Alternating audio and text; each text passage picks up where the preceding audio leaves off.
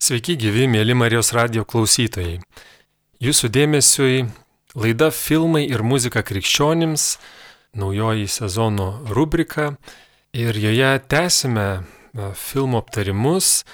Šiandien laidoje kalbėsime apie neseniai kino teatruose rodytą amerikiečių filmą Laisvės garsas, angliškas pavadinimas Sound of Freedom 2023 metais išleistas. Režisierius šio filmo yra Alejandro Monteverde. Pagrindinį vaidmenį atlieka aktorius Jim Caviezel, daugeliui žinomas iš filmo Kristaus kančia.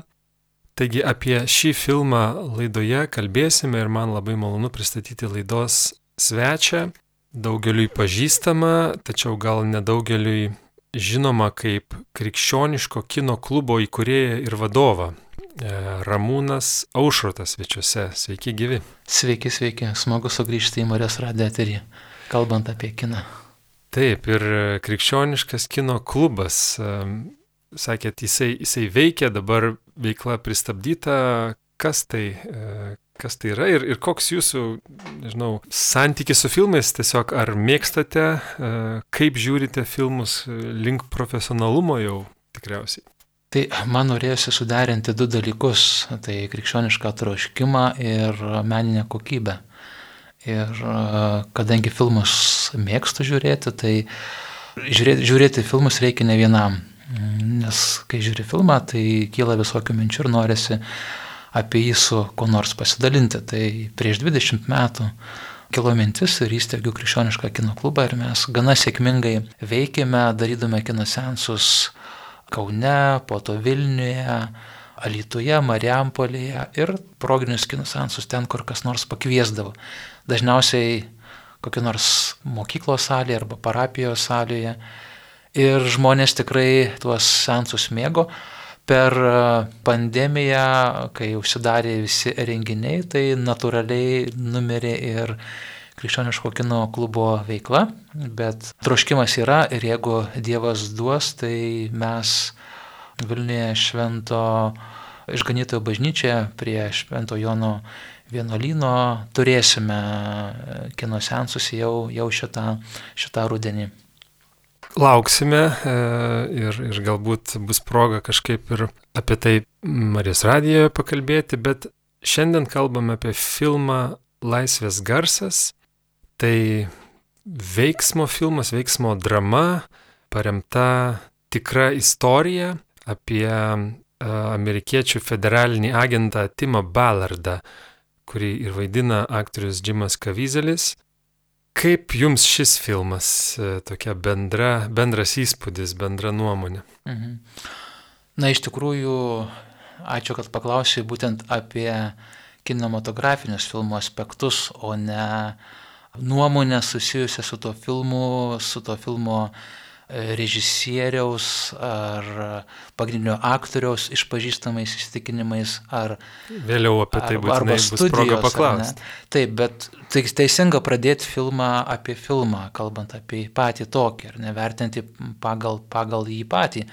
Tai filmas tikrai yra labai kokybiškai padarytas. Pirmas dalykas, kas krinta į akis, kad jame nėra tuščių kadrų. Na, labai paprastai pasakysiu, kartais matai, kad yra tempiama guma filme. Kadrai, kur yra nereikalingi. Gražus, bet nereikalingi arba, arba tušti. Tai šitas filmas yra labai ekonomiškas, nėra nei vieno nereikalingo kadro, tai rodo a, labai gerą montažą ir labai gerą režisūrą. Filmas išlaiko tą tam tikrą dramaturginę įtampą, gal antros, antroji daly pusėje truputėlį ta įtampa nukrinta, bet pabaigoje filmai supranti, kodėl kodėl kulminacija yra kitoj vietoj negu, negu, atrodė, negu atrodė prieš tai. Nenoriu pasakoti filmo siužeto, ar ne, tai, tai to dalyko ar nedarysiu, kas matė, tai matė, kas nematė, galbūt susigundys tą filmą pažiūrėti. A, labai gražus operatoriaus darbas. Taip pat filmuota labai daug natūroje, Latino Amerikoje, pats Aleksandro Monteverdė yra meksikiečių kilmės amerikietis, bet turintis ryšių Meksikoje ir filmuota yra tenais ir, nu, ta prasme, jaučiasi tas vietinis koloritas, nes filmo siužetas vystosi Latino Amerikoje. ir na, nuostabus garso takelis, kuris, na, ir įtraukia ir, ir, ir, ir sugraudina. Jau mano dukra jau išsitraukė iš Spotify'os pagrindinę melodiją, kur viena iš herojų groja būgnais. Tai, tai vat, ir turbūt pagrindinis kreditas, kurį turėčiau atiduoti, tai yra Džimas Kavizelis, jo kaip vaidyba. Nesakyčiau, kad jis neša filmą, nes pats filmas pats irgi, irgi plaukia, ne, ne, jis, jisai neskęsta iš savaime, bet, bet Džimo Kavezelio vaidyba tikrai yra spūdinga. Abejoju, ar jis bus nominuotas Oscarui, bet jo personifikacija su pagrindiniu herojumi yra, yra labai labai stipri netgi ir išoriškai jis buvo, na, ir plauk, plaukus persidažė, ir buvo, na, nugrimuotas taip, kad panašėtų į tą, tą tikrai e, prototipą, tą, tą, tą žmogų, kurio istoriją jisai, jisai pasakoja. Bet turbūt kalbant apie tą aktorinį aspektą, matyt, lėmė pati filmo idėja. Filmas yra apie priekybą žmonėmis ir šis aktorius, na, nėra beingas šitai, šitai temai, kas nežino, jis yra įsivaikinęs tris vaikus iš Kinijos, o Kinija viena iš tų šalių, iš kurios vyksta gana didelė priekyba, priekyba žmonėmis. Tai va, tai jis žino tą kontekstą, tą kontekstą apie karą filmas, jo širdis buvo tame ir turbūt tas neteisybės jausmas susijęs su ta tematika, kuri nagrinėjama, prisidėjo prie jo kaip aktoriaus tikrai stipraus įsijautimo į tą, į tą rolę. Taip, e, dar gal nesiužetą atskleis, bet plačiau apie ką šis filmas klausytojams, kurie e, ne, nematė, tai jau jų paminėjot, kad apie priekybą žmonėmis, paminėjom, kad tikra istorija, tikrais faktais paremtas apie Timą Ballardą, kuris e, realiai dirbo FTB, buvo FTB agentas ir e, dirbo būtent su tomis bylomis, e, kur buvo prekyba žmonėmis ir jis suėminėjo, žodžiu, nusikaltelius mhm.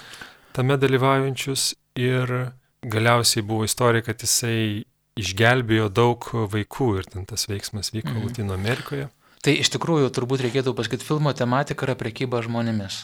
Ir nu, ta pati tematika nėra lengva, bet mes turėtume turbūt įsivardinti, kad tai yra labai aktualus mūsų laikų reiškinys. Sakykime, žmonės, kurie yra apgaulę išviliojami darbo į užsienyje ir padaromi darbo vergais, ar vaikai, kurie yra parduodami trečiose šalise, tam, kad būtų seksualiniais vergais ar tam, kad būtų organų donorais. Tai yra šių laikų mūsų vakarų visuomenės didžiulis vėžys šio laikinė vergovės forma. Ir, Vakarų visuomenės. Mūsų pas, tai mūsų, tai yra, e, ta prasme, jūs minėjot Kiniją, Latino Ameriką. Mūsų bet... pasaulio, bet iš esmės, jeigu pasižiūrėjus, turbūt, na, iš kur ateina tie žmonės ir kur jie nueina. Jie ateina iš vadinamųjų trečio pasaulio valstybių ir eina į vadinamasias vakarų valstybės. Tai iš esmės tai yra vakarų visuomenės bėda ir atsakomybė. Koks mastas tos bėdos? Labai, mastas yra tikrai labai labai didelis. Dabar tiks, tikslių duomenų ne, ne, turbūt ne, negalėčiau pasakyti, bet aš žinau, kad didžioji dalis tų žmonių, kurie yra prekiaujama apie 60 procentų, čia amerikiečių departamento socialinių reikalų departamento statistika, 60 procentų būtent nueina kaip seksualiniai vergai, o 20 procentų eina į dirba priverčiamai kaip, darb, kaip darbo vergai, dalis atlieka, teikia tam tikras paslaugas, už kurias nėra, už, už kurias nėra apmokama. Pavyzdžiui, nu, kokia nors meksikietė moteris, kuri dirba pas turtingų baltųjų šeimoje kaip valytoja arba, arba vyrėja tai irgi tam tikra nu, ir neturi jokių socialinių garantijų. Tai tas reiškinys yra labai labai platus. Filmas fokusuojasi į vieną šito reiškinio prekybo žmonėmis aspektą, tai yra prekyba vaikais ir jų išnaudojama, išnaudojama seksualiniams geismams tenkinti. Na ir... Pedo, pedofilijos tinklai kažkokie. Ir, taip, ir, ir turbūt reiktų pasakyti, kad na, pats filmas ir prasideda nuo to, kad tas pagrindinis herojus iš tikrųjų jis, jisai, jie gaudo pedofilus. Tie, kurie naudojasi tomis paslaugomis. Ir nebus didelė nuodėmė, jeigu atskleisiu vieną siužeto detalę, kad kolega, su kurios dirba, jam pasako, okei, okay, tu suimė jau kilintą pedofilą, gal jau, jau antras šimtas pedofilų, kuriuos tu suimė, bet kiek išgelbėjo vaikų. Ir tada tas pagrindinis herojus jisai supranta, kad sistema visgi jinai galbūt na, sugeba neutralizuoti tuos pedofilus, bet nesugeba užkirsti kelio tai pačiai prekybai, kurie vyksta vaikais. Ir tie vaikai nėra išgelbstimi. Ir filmas iš tikrųjų yra turbūt na, tokia sakykime taip, vaiko išgelbimo istorija. Jeigu kas matė filmą Gelbstint eilinį Ryaną, kur yra dedamos visos pastangos tam, kad išgelbėti iš ant, už linijos fronto likusį kareivį, tai čia iš esmės labai panašiai yra dedamos visos pastangos, kad išgelbėti vaiką, kurio šeimai pagrindinis herojus duoda pažadą tą dalyką padaryti. Taip, ir tos pastangos kartais net e, atrodo neadekvačios tokios e, ir kadangi šita istorija paremta tikra istorija, tikrais faktais, e, net nebeaišku, nu kur čia tikrai tai buvo, kur čia pridėta, nes tas nedekvatumas gelbint vieną vaiką ir rizikuojant daug kuo, galbūt ir ten savo gyvybę ir kitais, kitais vaikais ir, ir savo, savo šeima, tai Kiek, bet, bet, kiek čia parimta istorija, taip. kur yra, kur nutrūksta, kur pridėta? Mhm. Negalėčiau pasakyti šimtų procentų, ar ne, bet, sakykime, normaliai galim tada filmą skaidyti dvi dalis. Pirma dalis, kai yra ieškomas, va, tas, ta mergaitė iš tikrųjų ieškoma, ir tada yra na, išgelbstima keliasdešimt vaikų iš seksualinės vergovės, suplanuojant, kaip tą dalyką padaryti ir įgyvendinant. Normaliai tada filmas turėtų baigtis ir ten nes tarptų vaikų tos mergaitės, kurios ieškoma, nėra. Ir paaiškėja, kad na, jinai iškeliavo į kitą šalį, iš kurios ištraukti yra praktiškai galimybių nėra. Tai normaliai, sakykime, koks elementarus trileris turėtų baigti šitoje vietoje. Tačiau čia yra tik filmo vidurys, o tačiau rodoma, kaip tas pagrindinis herojus iki pačio galo eina tol, kol išvaduoja ir tą mergaitę, ir galbūt tas išgelbimas kažkiek tai atrodo kaip ir stebuklinis, bet reikia suprasti vienas, vieną dalyką. Filmą kūrė krikščionis. Pas Aleksandro Monteverde yra katalikas, kuris ne pirmą filmą sukūrė su įkvėptas būtent savo tikėjimo ir vedamas krikščioniškų vertybių. Tai reikia matyti tame tą filmą ir tam tikrą, uh, žiūrėti ir tam tikrų kitų kampų. Tai žiūrėti, sakykime, iš, iš dvasinės perspektyvos. Uh, mes kalbėdami apie filmus dažnai sakom, kad na, filme yra tam, tikra, tam tikros metaforos arba įvaizdžiai. Tai šitas herojus, kurį vaidina Džimas Kavizelis, yra nekas kita kaip Jėzaus Kristaus įvaizdis. Jėzus Kristus, kaip mes žinome, yra tas, kuris godžiai nesilaikė savo lygybės su Dievu, bet apiplėšė pat save ir atidavė save už mus, už mus ne, kad mus išvaduotų iš nuodėmės, nuo mirties mus išgelbėtų. Tai iš principo tas pagrindinis herojus ir elgesi kaip Jėzus Kristus.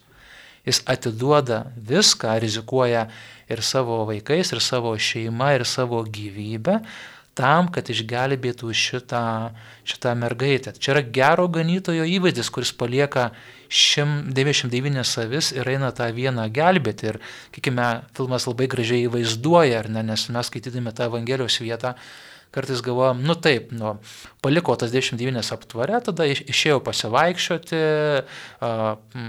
sakant, pasivaikščiojo, rado tavį, išvadavo ir grįžo. Niekad nepagalvojom apie tai, gal, kad galbūt tas tas išvadavimas kainavo pastangos ganytojui ir galbūt netgi buvo rizikingas, ar ne? Tai va šitoje vietoje šitas filmas vaizduoja, metaforiškai vaizduoja tą, reiškia, gelbstinčią Dievo malonę arba Dievo ranką, kad Dievas, na, Dievo, Dievo yra kiekvienas svarbus ir jis nori išgelbėti kiekvieną iš nuodėmės. Tai va, tas pagrindinio, ir turbūt, aš nežinau ar todėl ar ne, bet e, prieš kuriant filmą, kai jau buvo aišku, kad šitas bus siužetas, šito FTB agento istorija, ir jo paklausė, kas tavo manimu turėtų suvaidinti pagrindinį vaidmenį, vat, tave turėtų suvaidinti tą filmą, tas žmogus atsakė spontaniškai Jėzus Kristus. Tai režisierius sako, na žinot, aš tokių galimybių pasamdyti, vaidinti Jėzus Kristaus neturiu. Ne, sako, mane nesupratot, aš noriu, kad vadintų tas aktorius, kuris savaidino Jėzų Kristų, tai Džimas Kavizelis. Ir ar, ar jis tai intuityviai pasakė ar labai sąmoningai, bet būtent Džimas Kavizelis, kuris suvadino Jėzų Kristų ir atneša tą kristologinę dimensiją į šitą filmą savo vaidybą. Tai vad, filmą turbūt galima žiūrėti ir kaip filmą apie kalbant ir apie mūsų tikėjimą, apie ir kaip, o personažą matyti kaip tam tikrą kristinę figūrą kine. Taip, jau atsakėte į paruoštą klausimą, kodėl jis galėtų būti aktualus krikščionims ir kodėl apie jį kalbame Marijos radijo eteryje. Um, dar, žinau, dar kodėl. Dar kodėl, ar ne? Uh, todėl, kad mes kaip krikščionys, sakykime taip, uh, nu, negalim užsidaryti tik tai savo tikėjime. Kas man truputėlį kartais būna liūdna ir skaudu, kai aš mastau apie mūsų Lietuvos, kad nu, krikščionybės būklę, galbūt labiau katalikybės būklę, ar ne, yra tai, kad na, mes praktikuojam savo tikėjimo ir sudarėm savo tikėjimo burbule. Ar ne?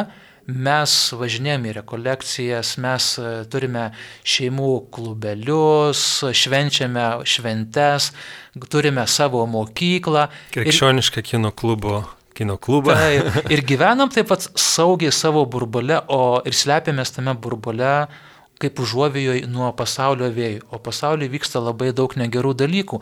Bet krikščionis, jeigu jis yra tikras krikščionis, jis ne, negali būti netveras kito skausmui. Ir e, negali neprisimti ir socialinės atsakomybės už tai, kas vyksta visuomenė ir už bendrojo gėrio kūrimą. Ir va čia nenuostabu, kad tas filmas gimė Junktinėse Amerikos valstijose. Nes Amerikos krikščionys, jie turi labai stipriai tą išvystytą socialinio veikimo aspektą. Jiems, na, būti krikščionimi reiškia būti ir socialiai aktyviems. Ir va čia vieną pavyzdį pateiksiu, kuris mane nustebino, ar ne?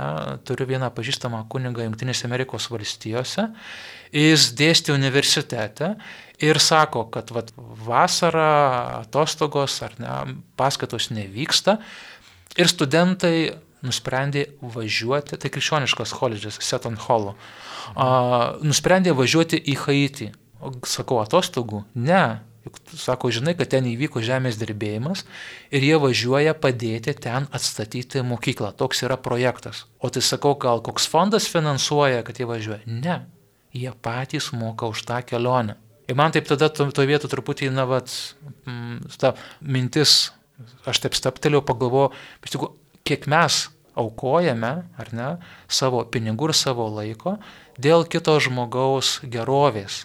Bažnyčioje aukojame, tikimės, kad bažnyčia tada tais žmonėmis pasirūpins ar ne, bet kiek mes patys įsipareigojame. Mes važiuojame į piligriminės keliones ir dabar labai populiaru važiuoti į piligriminės keliones, bet važiuojame, tai yra dėl savęs. Tam tikras, sakyčiau, krikščioniško ir ego tenkinimas.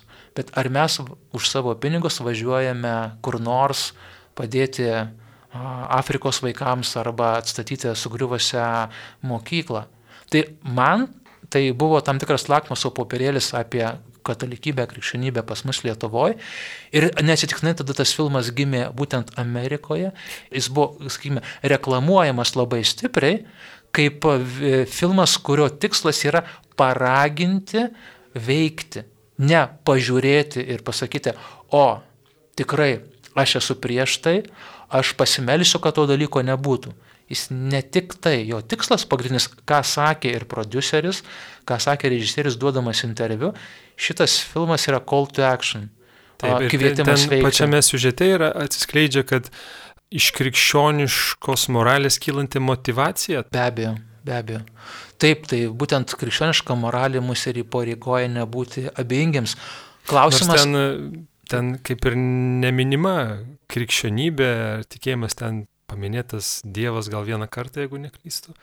Ir ten vienas sakinys. Du kartus paminėtas. Du kartus. paminėtas, kai, reiškia, motiv, reiškia, ir neturėtų būti filme nuolatos linksniuojama krikščionybė, nes tada gaunasi toksai, sakykiau, reiškia, truputį demagogika ir šiek tiek, na, na tokio prozelitizmo dvasios. Krikščionis yra normalus žmogus. Jo, kaip krikščionį tu galėt pažinti iš jo veiklos, ir iš jo veiklos motyvų, jeigu paklausi. Tai filme labai gražiai, ar ne, nesako, aš tą dalyką, žinot, ateinu, aš turim visiems pasakyti, kad tą dalyką darau dėl to, kad esu krikščionis. Aleliuja. Ne. Labai filme gražiai klausia, du pokalbiai vyksta. Sako, kodėl tu tai darai? Kodėl tu tai darai? Kodėl tu čia atvažiavai? Nes Dievo vaikai neparduodami. Nes Dievo vaikai neparduodami. Jis atsako motivacija, yra jo vidinė motivacija.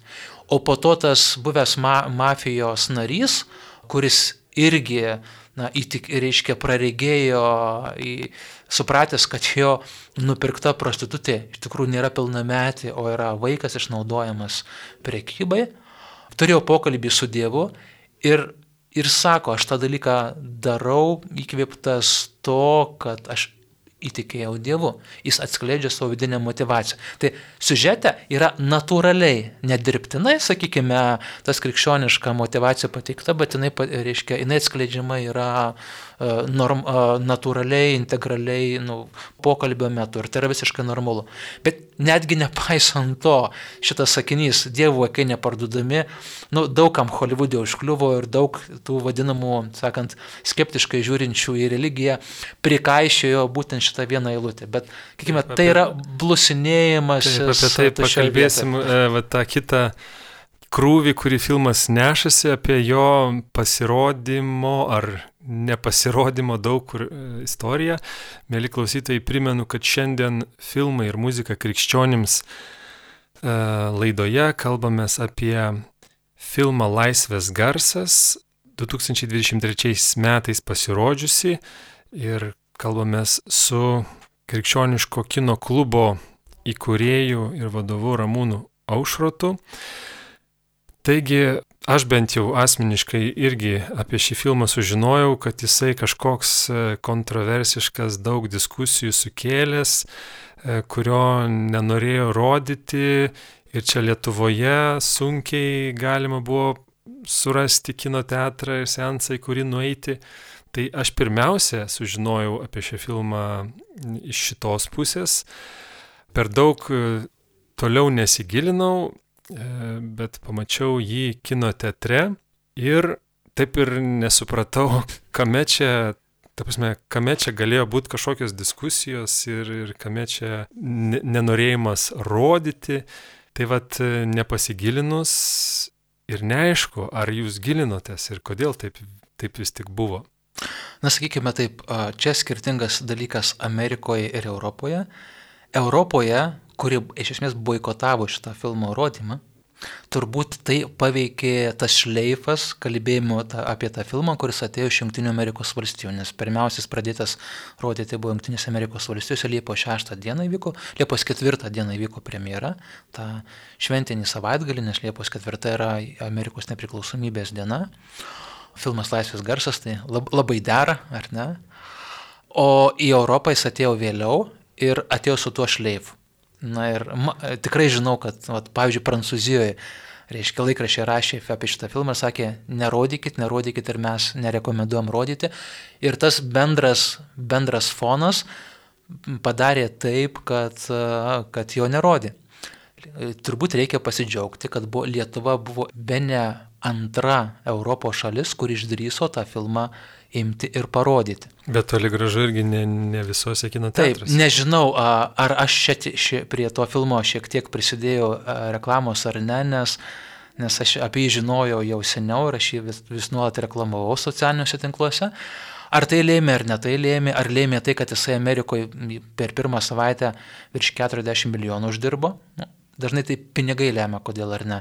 Bet vis tik atsirado kompanija, kuri Lietuvoje nupirko to filmo rodymo teises ir pasiūlė Lietuvos kino teatrams. Ir paprastai praktika būna tokia. Pirmiausia, siūlai didiesiams kino teatrams, kokiam forum cinemas ir panašiai. Tada jie parodo, nes kopijų skaičius, kurį tu gauni, būna ribotas. Nu, ta prasme, nėra taip, kad tu gali jų pridauginti ir dalinti kiek nori. Sutartį būna nurodyta, kad toks skaičius kopijų ir tada tu jį padalini kino teatrams. Ir kas gavosi? Tikrai, tik, tik, labai tikėtina, kad didieji kino teatrai atsisakė tą filmą rodyti Lietuvoje. Tada jie pasiūlė, pasiūlė mažesniems kino teatrams. Ir filmo premjera įvyko keletoj mažų kino teatrų. Romuvoj, Marijampolės spindulio, Alitaus kino teatre, netgi Gargžduose paskui ir Panevežį, ir Šiauliuose vėliau pradėtas rodyti.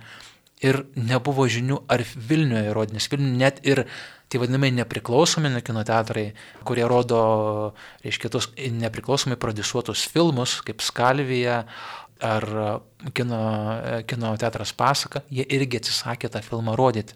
Tačiau, nu, tačiau vis, visgi, visgi, visgi jis buvo parodytas ir Vilniuje. Tai šitas nusiteikimas paveikė ir filmo distribuciją taip pat ir Lietuvoje.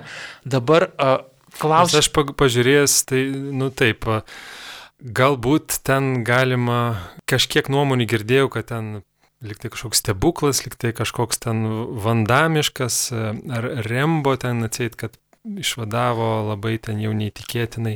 Tai galbūt... Steveno ir... Sygalo istorija, ar ne? Bet nu, kas filmą pažiūrėjau, tai į Steveno Sygalo filmą visiškai nepanašus, nes nu, Steveno Stiglo filmas yra fantastinis, nerealistinis, nes pavyzdžiui, tie vienas žmogus nugali, reiškia, moka kautis ir nugali šimtą žmonių. Tuo filme pripažink, kad nėra. Na, Kažkas panašaus ten, e, tamsiose yra... džiunglėse, ten vienas žmogus e, nusikaltelių. Nu taip, bet, bet jisai ne, ne, ne, bet ne, ne šimtą žmonių nugalėjo, ar ne, o yra rodoma tikrai labai, reiškia, sunki scena, kai jis turi kovoti a, dėl tos mer, mergaitės gyvybės su kitu žmogumi ir, ir turi tą žmogų nužudyti, kad ją išgelbėtų. Tai, tai ten yra tikrai, sakykime, stipriai padaryta ir realistiškai padaryta, padaryta scena. Jis nepaspaudžia, sakant, kraujagyslę ir tas žmogus nukrinta kaip lapas. Nu to dalyko nėra. Na, tai bet tai čia yra toks, ten, kad jisai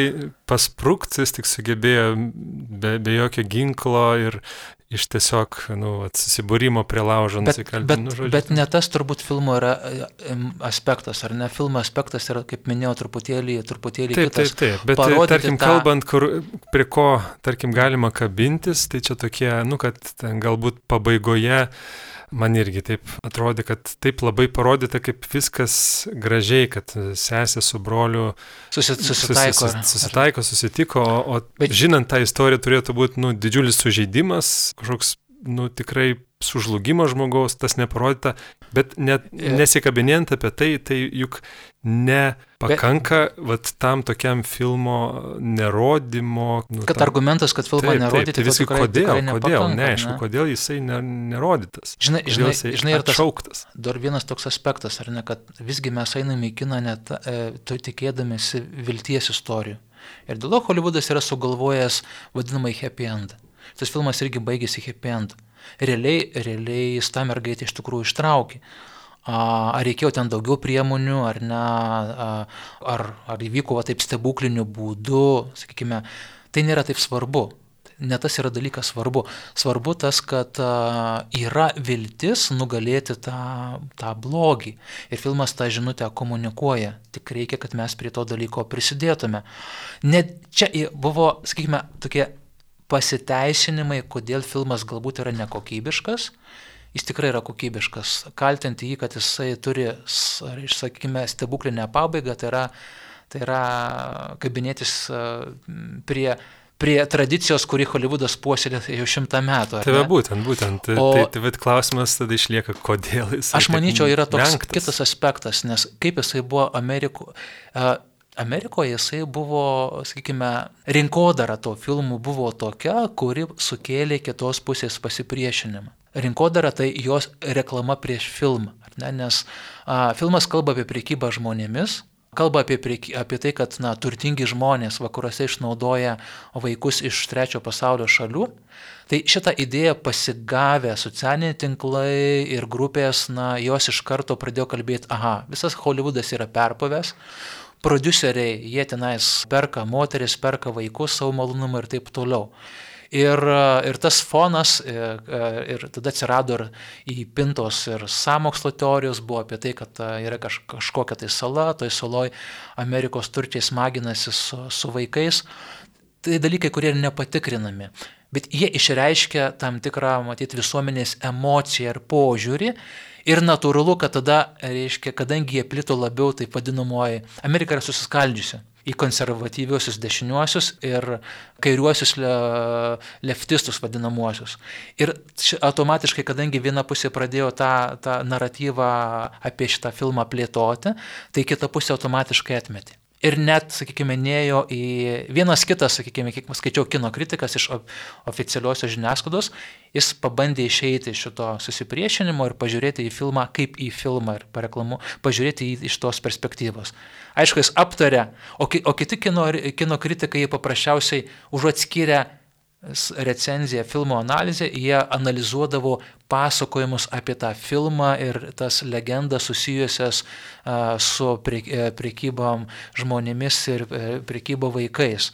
Tai šitas dalykas turbūt, ką jisai lėmė. Paradoksalu, Amerikoje jis lėmė, kad į Ameriką visi dešinieji atėjo tą filmą pažiūrėti, o kairieji jį ignoravo. Filmas uždirbo 180 milijonų. Europoje Tai yra daug filmų? Tai yra labai daug. Kaip filmui, kuris yra ma mažo biudžeto, sunkios temos, nišinis filmas, uždirbti 180 milijonų yra labai daug. Per pirmą savaitgalį uždirbti 40 milijonų yra labai daug. Animaciniai filmai ne visada taip uždirba, kurie taikomi labai plačiai auditorijai. Bet dėl to, kad Amerikoje taip įvyko, Europą tą filmą iš esmės boikotavo. Bet kas yra įdomu, žiūrint į tarptautinę. Bet boikotavo ne, ne žiūrovai norintys ateiti arba nenorintis, taip. bet uh, rodymų. Ro, taip, ta prasme, jisai nebuvo platinamas, nes tam, kad platinti, turi įsigyti teisės ir pasiūlyti kino teatrams. Ir kino platintojai Europos valstybės jie atsisakė, ta prasme, jie nusprendė šito filmo nepirkti. Įdomu tai, kad jisai buvo Europoje rodomas Junktinėje karalystėje tik tais ir taip pat Rytų Europos šalyse, tai Lietuvoje, Lenkijoje, Kroatijoje, Slovakijoje, man atrodo, viskas. Nu, dar Islandija beje parodė man, tai pirma šalis, kuri parodė, buvo keista. Va, o visos kitos atsisakė tą filmą rodyti. Tačiau kas yra įdomu, Latino Amerikoje jis buvo pakankamai um, gerai žiūrimas. Gal todėl, kad veiksmas vyksta Latino Amerikoje, gal todėl, kad kalbam apie priekybą žmonėmis iš Latino Amerikos į Junktinės Amerikos valstijas, palėtė jautrų nervą. Ir pačiam filme, pa pačioj pradžioj yra rodomi kameromis, lauko kameromis nufilmuoti kadrai kaip tiesiai iš gatvės pagrobė vaikus ir iš, išveža. Tai tikrai labai sukrečiantis, jau ten parodė realiai, kur jo slaptomis e, gatvių kameromis, kaip tiesiog išplėšiami, išglėbio vaikai ten tikrai. Tai va, tai čia ta tikrovė iš tikrųjų vyksta. Man atrodo, dar vienas aspektas yra, kad šitoje vietoje uh, Hollywoodas prieš 15 metų turėjo, 10-15 metų turėjo vadinamas mytų skandalus. Kai paaiškėjo, kad na, ne vienas aukšto rango studijos vadovas arba produceris na jisai nu, netinkamai elgėsi su, su aktorimis. Ne? Šita problema egzistavo jau labai labai seniai. Ateina net nuo, sakykime, Hollywoodo pačios pradžios. Visiems Hollywoode buvo nepaslaptis, kad egzistuoja atranka ant kušetės. Tai reiškia, nori gauti vietą a, filme, nori tapti žvaigždė, tu ateini ant kušetės pas producerį. Tai reiškia, su juo permėgi. Tai šita praktika egzistavo. Ir tik mas, tai reiškia, dabartinė visuomenė turbūt pasidarė jau nebepakanti tokiems reiškiniams ir tas burbulas vidinis pikžaizdės sprogo prieš 15 metų. Ir matyt, šitas filmas, kuris paliečia panašų nervą, ar ne, išnaudojama, seksualinį išnaudojimą nepilnamečių, ar ne, jis, nu taip, nemaloniai rezonuoja pačiame Holivude.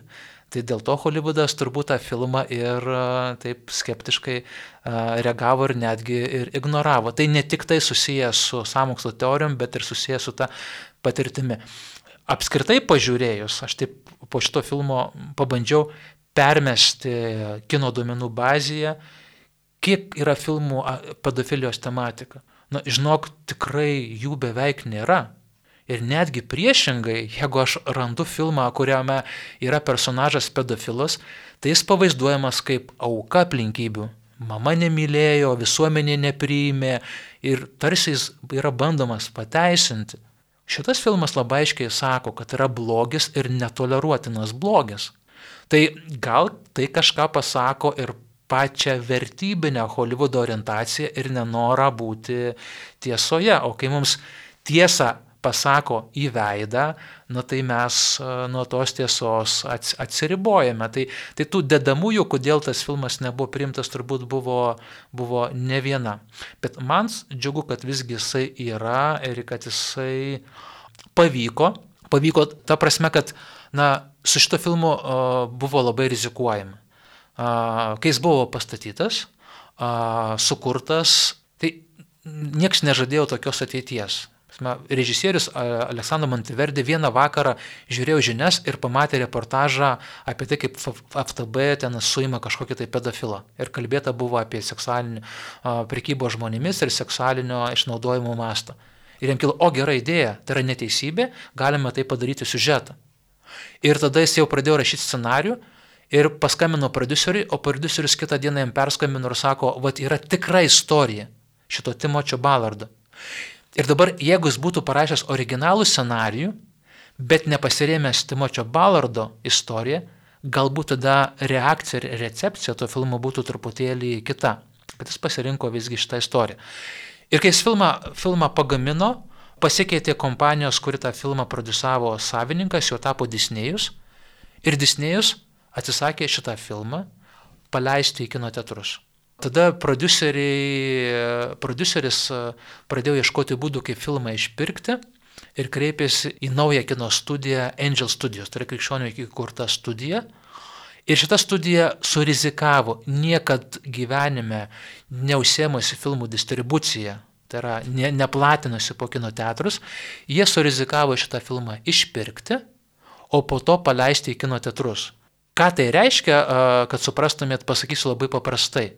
Tam, kad paleistum filmą į kino teatrus, tu pirmiausia turi užsakyti sales ir jie užsakė premjeriniam e, savaitai 2000 Amerikoje kino teatrų ir jeigu žiūrovai būtų netėję į tą filmą, jie būtų turėję sumokėti iš savo kišenės. Tai buvo labai didelė rizika. Bet filmas, filmas atsipirko. Ir kartais kine turbūt reikia taip turbūt rizikuoti, nes projektas pavyko, jis surinko virš 230 milijonų, už tuos pinigus tiek Aleksandro Monteverdi režisierius galės sukurti naują krikščionišką filmą ir ta pati kompanija Angel Studios galės kurti naujus krikščioniškus filmus. Tai vieno filmo sėkmė yra kito filmo sukūrimo galimybė, gero filmo sukūrimo galimybė. Todėl šitoj vietoje aš tikrai kviečiu, raginu Marijos radio klausytus, ypač jaunesniuosius, nu, nepiratauti, nevokti šito filmo, e, nes tada jūs sakote, aš nenoriu prisidėti, kad būtų daugiau krikščioniško kino. Bet nu, nueiti į kino teatrą arba užsisakyti to, sakykime, savo mieste, to filmo peržiūrą, išsinuomoti e, internetu, tikrai atsiras interneto e, nuomos platformose, sumokėti tuos kelis eurus ir paremti gerą krikščionišką kiną, kad būtų daugiau gero krikščioniško kino. Dabar liktai kino teatruose jau nebe rodo arba Šią savaitgalį tik vienam kino, kino sensas tik vienas buvo. Tai, tai, tai va, turbūt tai... dabar lauksim, kol atsiras interneto nuomos platformose. Tai jos Pandemija padarė labai gerą dalyką. Reiškia, negalėjome eiti į kino teatrus, atsirado kino nuomos platformos, jos yra labai įvairios. Kiekviena Lietuvos net televizija dabar turi savo kino nuomos platformą, sumoki 5-6 eurus ir tu turi pasižiūri, pasižiūri filmą namuose ir tuo pat metu nedarai kompromisų su savo sąžinė, nes nu, tai, yra, tai yra vagystė. Taip, ir Belieka palinkėti ir žmonėms, kad ieškotų galimybių pažiūrėti šitą filmą ir laidą jau baigiantis, kam rekomenduotumėt ar ką kvieštumėt jį pažiūrėti? Na, e, filmas iš tikrųjų nėra skirtas vaikams, sakykime, jį galima žiūrėti su paaugliais jau nuo, sakyčiau, nuo brandesniais, nuo, nuo 14 metų, bet tada yra svarbu su jais aptarti filmą. Bet ten N13. N13, taip. N13 yra toks, sakykime, riba, nuo brandos labiau priklauso. Gali būti ir keturioliktinis, kuris, kuris tokoja tos brandos ir jam neįdomu ir taip toliau. Bet, pavyzdžiui, mano dukra 18 tą filmą pažiūrėjo ir jinai užsidegė šitą filmą būtent pristatyti mokykloje ir pakalbėti apie tą prekybos uh, žmonėmis reiškinį. Nu, tai vat, jis gali būti įkvėpiantis jaunimui, na, imtis tam tikro veiksmo. Ir turbūt kiekvienam krikščioniui verta tą filmą pažiūrėti ir pamatyti daugiau negu už bažnyčios, bažnyčios ribų. Bažnyčia yra platesnis dalykas negu tik tais uh, sekmadieninės pamaldos. Taigi ačiū labai Ramūnai už papasakojimą, nušvietimą labiau apie šitą filmą. Kalbėjome, mėly klausytojai, apie filmą Laisvės garsas, amerikiečių filmą, kurio režisierius Alejandro Monteverde, pagrindinis aktorius Džimas Kavyzelis. Filmas 23 metų, 23 pasirodęs. Buvo paminėti būdai, kaip galima pažiūrėti, tai raskit galimybę, pažiūrėkit. Tikimės jums ir jis patiks, ir patiko šis pokalbis apie filmą, ir tikimės jums buvo įdomu. Dar kartą primenu, laidoje dalyvavo krikščioniško kino klubo įkūrėjas Ramūnas Aušrotas Aš Rimas Macevičius, atsisveikiname su jumis, likite ir toliau su Marijos radiju. Sudė. Sudė.